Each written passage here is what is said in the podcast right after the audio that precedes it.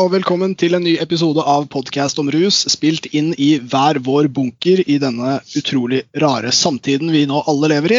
Eh, velkommen til deg, min eh, kjære kompanjong via telefon. Per Ståle Honning, hei sann. Jo, tusen takk, Bøffert Fusk. Jeg eh, har nå pusset og oljet både haglvåpen og nunchako, og, og har hamstret spagetti carbonara til den store gullmedaljen.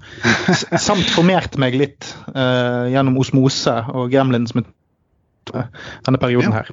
Jeg har ikke bestemt ja, ja, så jeg og min partner vi, vi, har, vi, er nå blitt lykkelige foreldre til en liten bylt, men vi har ikke bestemt oss for kjønn ennå. Gratulerer så mye. Det må jeg si. Jo, tusen takk. Eh, også fint at vi introduserer hverandre, syns jeg. Det er eh, en av mange ting som er nye. Ja, det, dette er tiden for liksom å leite, leite, etter de nye inntrykkene. og, og liksom Finne seg sjøl, eller finne nye versjoner av seg sjøl. Kanskje, mm. kanskje, vi er litt mer sånn eh, nå, nå, Jeg føler vi blir litt sånn hjertesmertetelefonen, eller sånn, sånn nattradio. Ja, ja, nei, det... Ring inn til oss, eh, kjære ja. lytter, så skal vi sette på eh, ønskelåten med Roxanne Nei, Roxette med Eller hva det heter. Roxanne. Nei, det er, det er mange som er ensomme i denne karantenetiden. Mm. Nei, men Det er uh, jævlig weirde tider. ass, man, uh, men jeg tror kanskje vi blir litt snillere med hverandre også. Det var kanskje Karlin som sa at uh, det er kriser som samler folk. Det er aldri noe bra som samler folk. Det er bare dritt. Er vonde ting. Man må, må huske at kriser samler folk om å f.eks. lynsje andre mennesker og sånn. Så ja, det, men det er mye fellesskap der.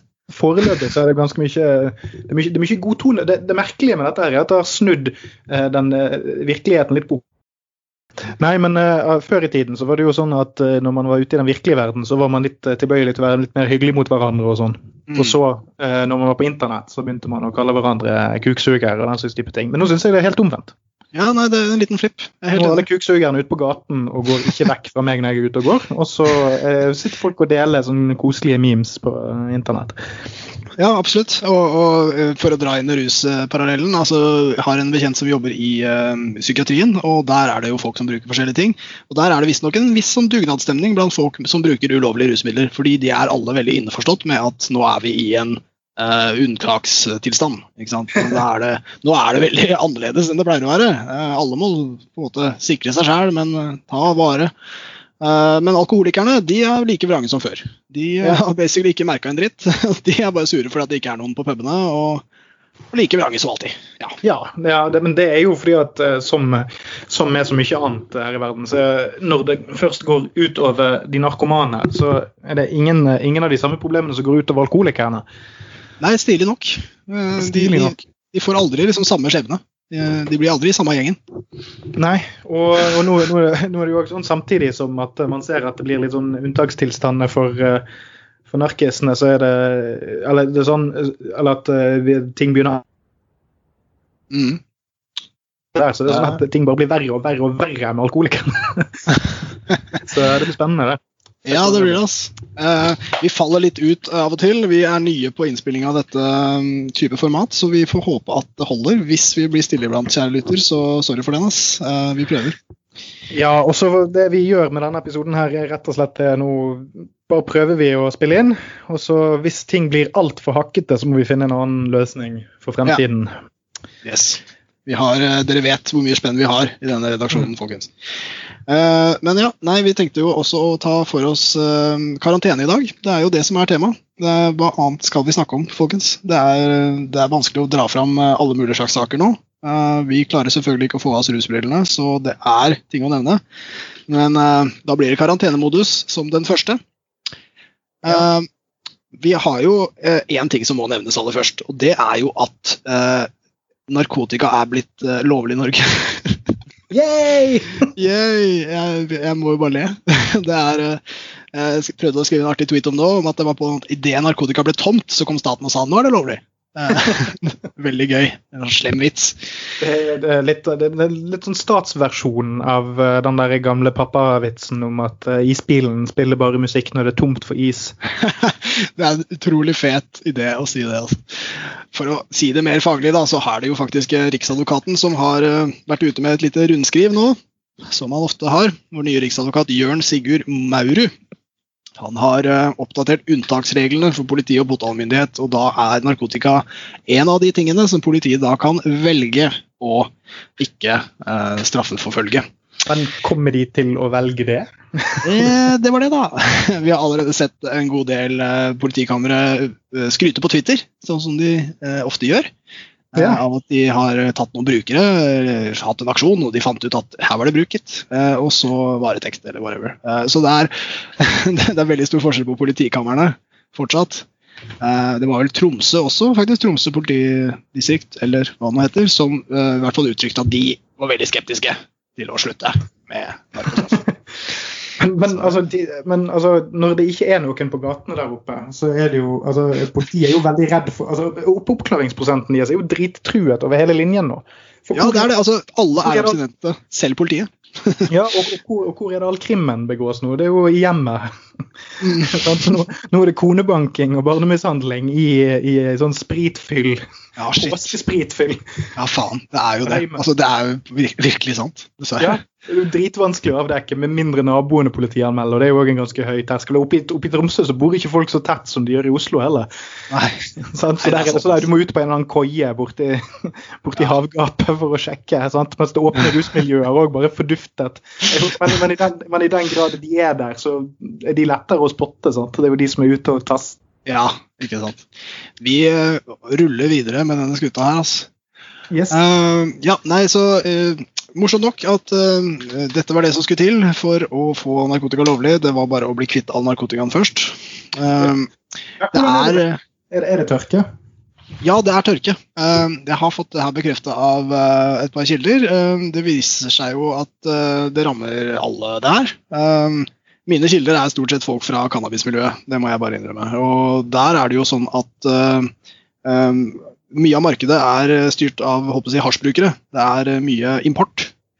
Og den har jo da tilsynelatende stoppet opp. Og det som da mange mener vil skje, er at det blir den, eh, en hard kamp om den cannabisen som er igjen. Ok. Eh, og Som da kanskje produseres i Norge, eller eh, kommer inn, eh, har kommet inn før. Og eh, Det gjelder også pasienter. altså det er jo, Vi skal snakke litt mer om det seinere, men det er også pasienter som reiser til Nederland og henter medisin der, som nå ikke får det på norske apotek, selv om de kunne fått det. Eh, Ja. Altså Hvis og- det hadde vært, gjennomfør, altså, vært gjennomført, eller er det sånn at de har rett på det allerede? Uh, De har på en måte rett på det, fordi de har rett på forsvarlig helsehjelp, men det er, det er en litt abstrakt, mer generell ting. Uh, Og så er det via EØS så skal det også være mulig for norske apoteker å tilby dette så lenge folk har resept og, og det er avklart.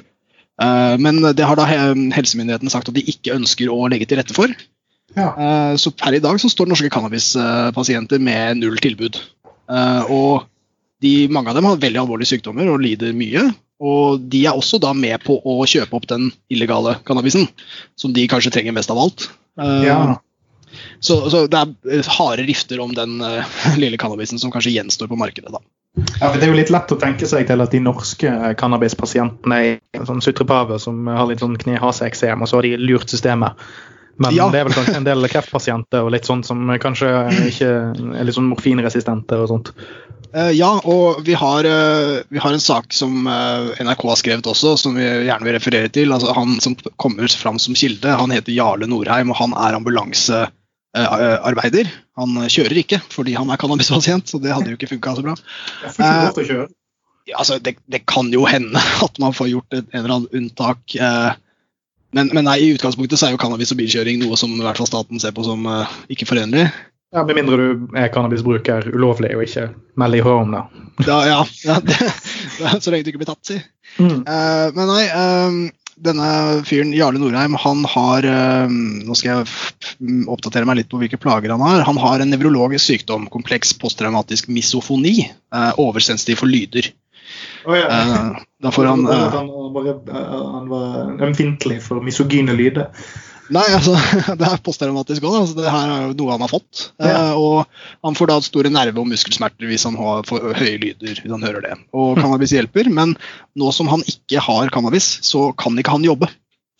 Ja, ikke sant? Så vi har mistet en ambulansearbeider eh, fordi vi ikke vil gi folk cannabis på medisin. eh, på, på apotek som medisin.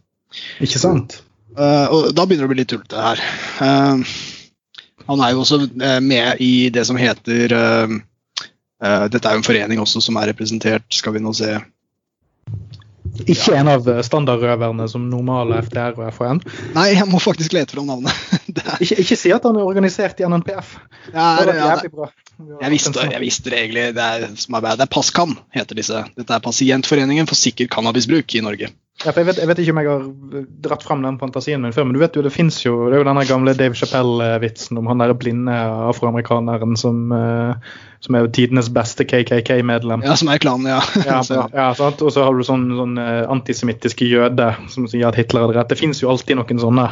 Så jeg bare, jeg bare har så jævlig lyst på en sånn cannabisrøykende ambulansesjåfør som er sånn støttemedlem i NNPF.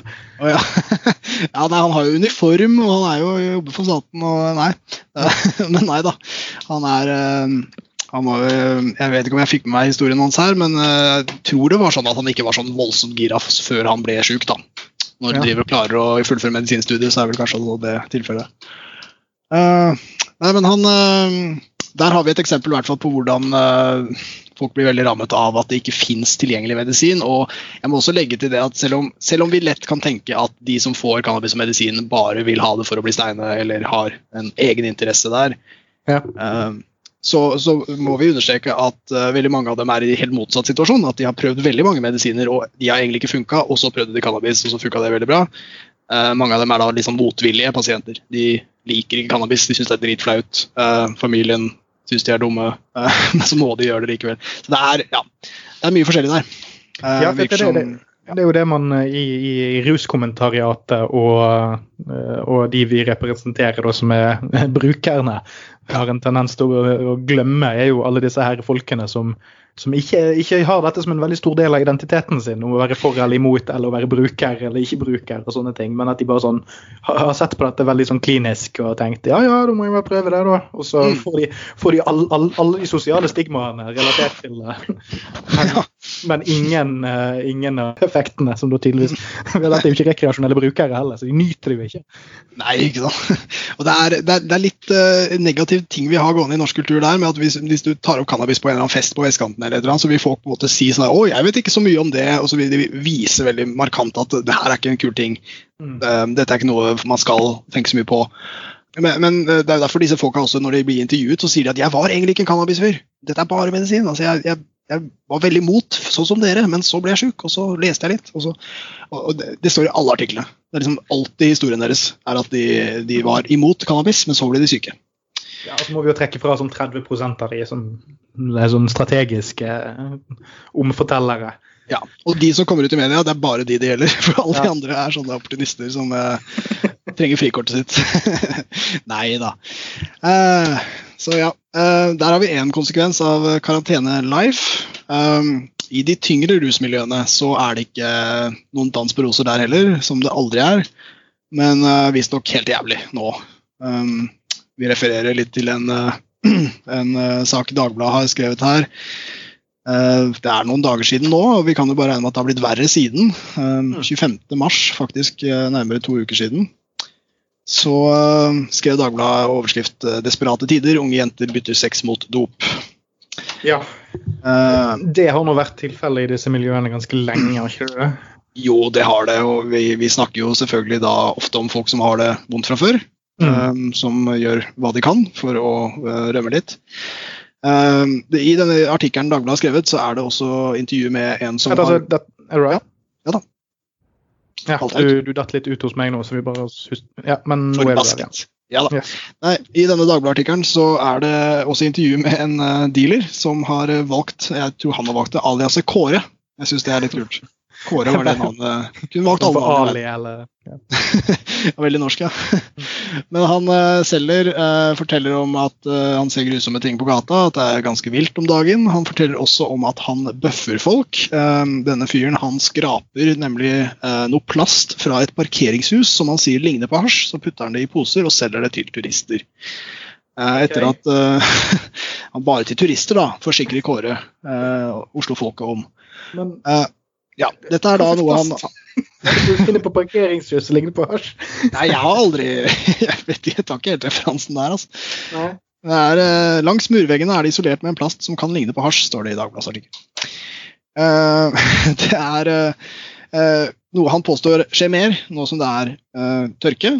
og desperate tider i miljøet. Og som sagt, dette var to uker siden. Uh, ingen grunn til å tro at det har blitt så jævlig mye mer uh, narkotika eller mindre desperat. Det høres jo òg litt ut som en sånn skrytehistorie. Ja, og, og Altså, ja, Nå selger det sikkert i sånn plastikk, plastikkpose. Ja, selvfølgelig. Jeg bare synes det var sånn det må jo bare være hasj i så fall han klarer å bøffe folk på på den måten. Det er jo, ja, ja, det er jo bare sånn casual-salg i så fall. Absolutt, og dette er en kilde som ellers er veldig opptatt av å fortelle hvor utrolig mye han selger og tjener og svindler. Så det er jo ja, veldig mye tillit å få. Uh, men uh, vi kan regne med at han snakker sant når han beskriver situasjonen som verre enn før. Og dette er et miljø uh, altså, Vi er i en tid hvor generelt mange ikke får hva de trenger av tilbud, mm. men dette miljøet mangler jo det fra før. Eh, og har masse store problemer. Nå er det også bekreftet i det harde rusmiljøet i Oslo at det har vært eh, positive koronatester der. Ja. Eh, så ja, det er ganske urovekkende. I England har de nå gjort en endring slik at man kan få metadon reseptfritt på en annen ja. måte enn før. Ja, det, det burde, burde, man jo kanskje sett på nå. I hvert fall for altså, alle sprøytenarkomane nå er jo egentlig Ja, ja, jeg, jeg, tenker det samme. Jeg tenker det samme. Det er altså Da datt du litt ut, så bare, rep repeter det siste du sa. Ja. Takk, det samme. jeg holdt på å si. Uh, ja. det, altså, dette med metadon uh, Metadon er jo noe som ble populært i det norske helsevesenet fordi rusfolk ikke liker det. altså, det er ikke spesielt uh, noe med rus i det. Mm. Og det har, en, det har, noen andre positive sider også, at det ikke varer så lenge. Og, ja, eller, eller, hva det nå var. Beklager, det var sikkert feil. Men uansett så er metadon et godt alternativ for abstinente folk som ellers trenger opiater. Og i eh, England så skal de som sagt eh, de har en slags LAR-ordning i England hvor de skal åpne dette mye mer. Du får det ikke helt fritt, det blir ikke reseptfritt på apoteket, men det er eh, lettere å få tilgang på det. Du, det skal være greit å få det bare ved å ha et møte eller lignende med en sosialarbeider. Mm. Og Det bør vi absolutt vurdere i Norge også, bare så vi ikke får folk som altså dør av abstinenser, for det første. Mm. Men for det andre gjør ekstreme ting. altså Folk kan rett og slett klikke eller uh, bli voldelige. Eller, altså, det er mye sosial nød som, som kan unngås ved sånne enkle grep. Ja, det, det, er jo også litt sånn, Jeg synes det er litt sånn interessant med hvordan løste, alle løsningene på dette viruset å gjøre, virker jo på merkverdig vis å være ganske likt de løsningene folk driver og foreslår til vanlig. Men så kommer ja. det pesk i markedet i veien. ja, og det er eh, Konsekvensene av dette går utover alle. Så jeg håper jo det kan bli en vekker for at folk skjønner at det, blir, eh, at det er best å få regulert dette markedet fra statlig hold. Ja, og så uh, ja. tenker jeg jo at i løpet av denne krisen så kan vi jo kanskje benytte anledningen til å sakte, men sikkert rebrande denne podkasten om til en sånn revolusjonær uh, venstreaksegreie. Sånn. Og så ender vi opp med å, å, å velte det, det høyreorienterte hegemoniet som brakte oss inn i denne krisen. Det, det, det, er jo det som er stemningen litt sånn på i alle kanter nå. litt sånn her, hmm, hva, var det, mm. hva var det som fikk oss hit, egentlig? Og hva ja. er løsningene? Men som ja, sagt, altså, sånn, for man, I hvert fall når man ser på denne behandlingen, eh, altså metadonbehandling og sånne ting, det er jo ting som det burde vært langt lavere terskel for å komme inn på enn opprinnelig. sant? Altså, ja.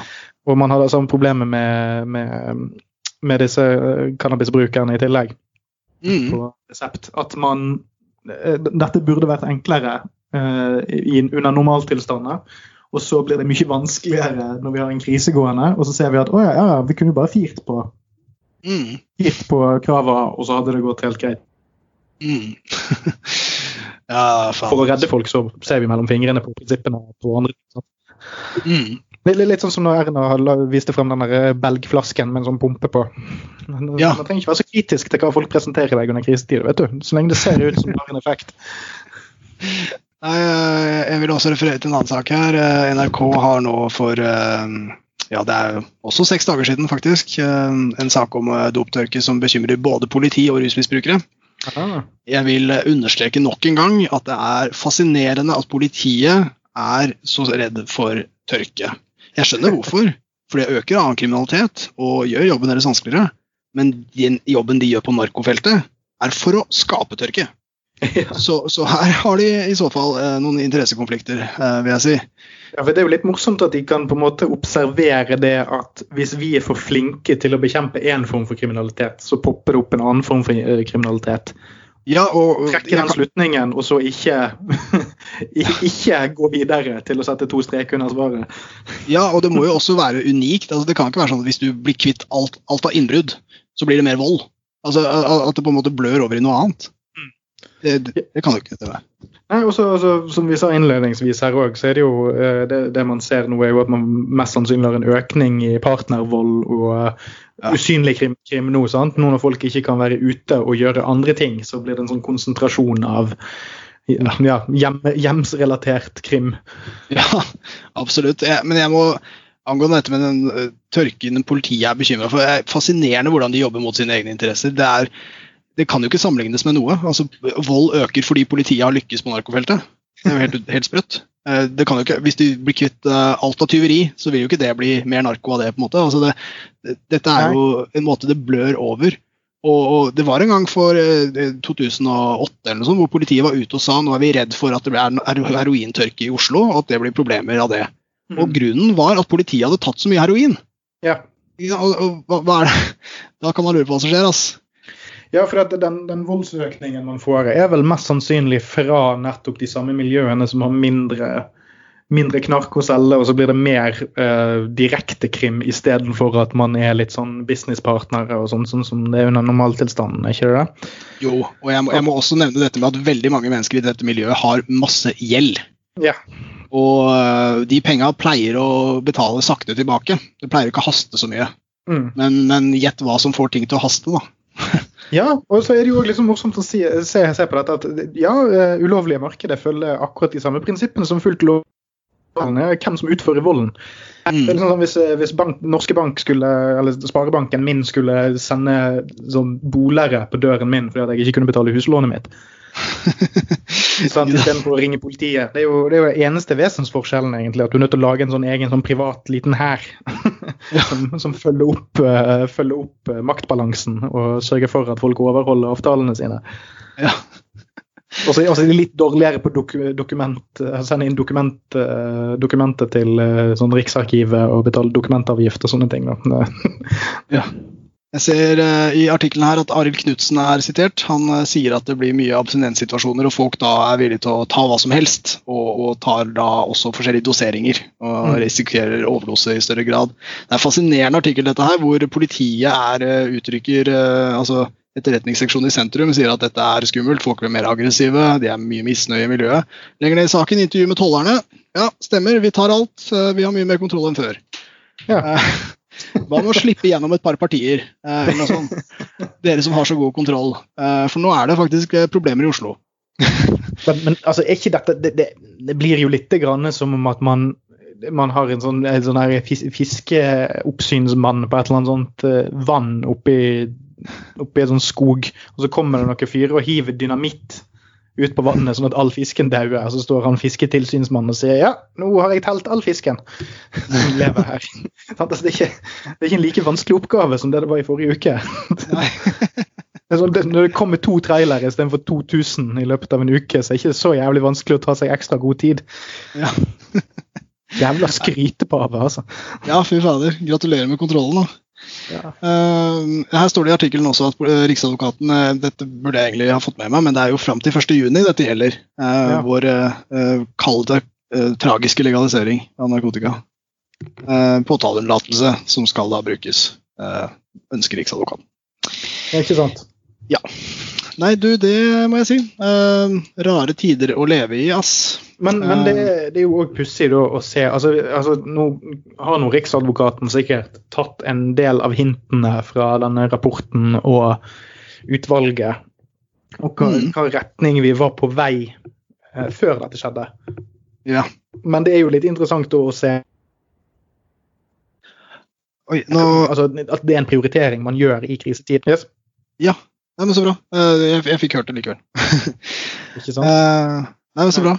At, at, det er en prioritering man gjør i krisetider der man tenker Ting som i utgangspunktet var utrolig viktig for samfunnet å opprettholde, mm. uh, bare plutselig blir ekstremt lite viktig. Og så ser vi at uh, resonnementet bak er at ja, men det, det, skade, altså, det er veldig lite skade i at vi lar være å kjeppjage ja.